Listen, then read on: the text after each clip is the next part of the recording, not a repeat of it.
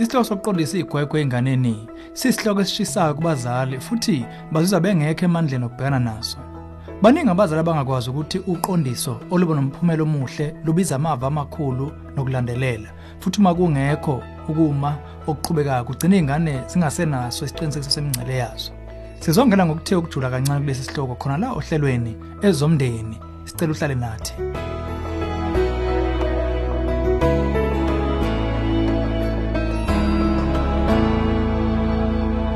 Kwamnandi kuba ngikubengelele ezomndeni uhlelo lokulethela izeluleko eziphatheka ngabaka focus on the family.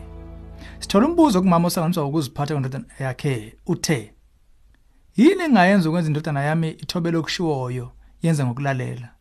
Indodana yethu encane inenkane. Ulibeka naye ilibeke. Ayiwenza umsebenzi wayo wesikole futhi ayifuni nokuklina ekamereni layo. Uma sithi zama ukuxoxa nayo ngalolu daba ngomoya phansi, siphele siphakamisa amaphimbo. Yini lesingayenzi kahle?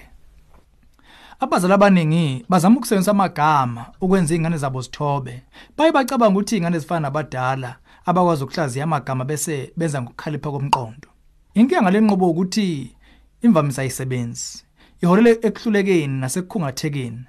Yingoba amagama nokucabanga akusikho okubumba ukuyiphatha kwengane. Imphumela yiyo ebumba ukuyiphatha kwengane. Imphumela into eyenzeka ngenxa yokuziphatha okuthile. Imphumela isengaba ngemihle kumbe emibi.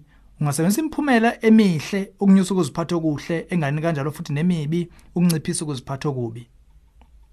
Ngokufanekisa okuphathekayo. Ake sibuke udaba longenza umsebenzi wesikole kaNtana wakho. Uma ifike ekhaya ntambama ungathi kuye Ngidinga ube sewuqedile imisebenzi yakho yesikole ngo5 o'clock ntambama namhlanje. Uma ukwenze lokho ngizokwengeza isikhathi sakho sokuyodlala.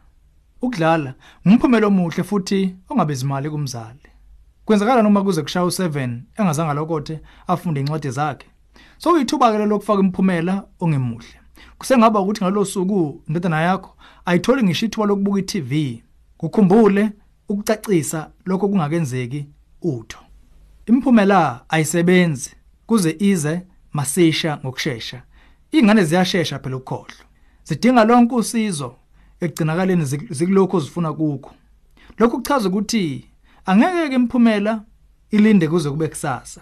Idinga ukubonakala khona manje. Ungakhulisa ngisho indlela eza ngayo masisha. Ungenza ngisho ama point emvuzo xashana enze kahle kanjalo futhi nehliswayo nxa ingenzanga kahle ingane. Imphumela idinga uba ngemile futhi. Kumele uyilandele ngisho nala khona uzizwe ukhathele ungenasikhathi sayo. Udinga futhi ukwenza lokhu njalo njalo nxa igunya lakho linyukunywa izingane. Uma ngenjalo ingane yakho iyoyibona ukuthi uPopeye nje la kuwe. Ukuphetha kumele imphumela ibe ngamandla kumbe ibe ngenamandla. Uma kuyinto engathishwe enganeni yakho, kayikuba namphumela onamandla ukuyiguqula. Uma kuukuthi ingane yakho ayinandaba nesengezo sesikhathi sokudlala, kuyoba ngamanzi emhlane wedada. Kobe iziqhamuke nento eshaya ngqo empilweni yayo. Kusengaba noma yini oyaziyo eyikhonzile, ungaba ngisho imidlalo ayikhonze ngeimpela viki. Kucacileke futhi ukuthi ngesikhathi ingane ikhula nemphumela nayo imele phela kuba ihambisana neminyaka. Njengokuthi intombazane eminyaka ewu7 isengahlabe kumxhole ngonodolo omusha. Kodwa engeneni kwayo ekuthombeni isithi dlwe. Sekuyingane kwani leyo. Ungafunda kabanzi ukufaka imphumela ngokuphathekayo ngofunda incwadi kaDr James Dobson ethi The New Dare to Discipline. Le ncwadi neyiningi ikhona uma ungena ku website ye Focus on the Family ethi sa.family.co.za kumbe ushaye ku 031 716 3300 kwenza ukuthi ukwazi ukuba ufake iorder. Uma uthi uzizwa ukuba uthanda ukuxhumana nomeluleki wezemndeni, umnyango wezokululeka Focus on the Family uyothokoza ukuxhumanisa nongaseduze nawe.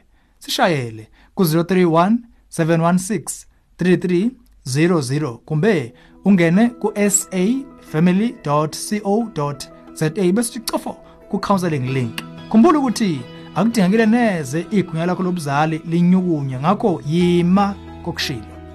Lolu hlelo ezomndeni ulethulelwe yifocus on the family sihlangabezwa hlelo luzayo sesihlabelisa phambili umndeni wakho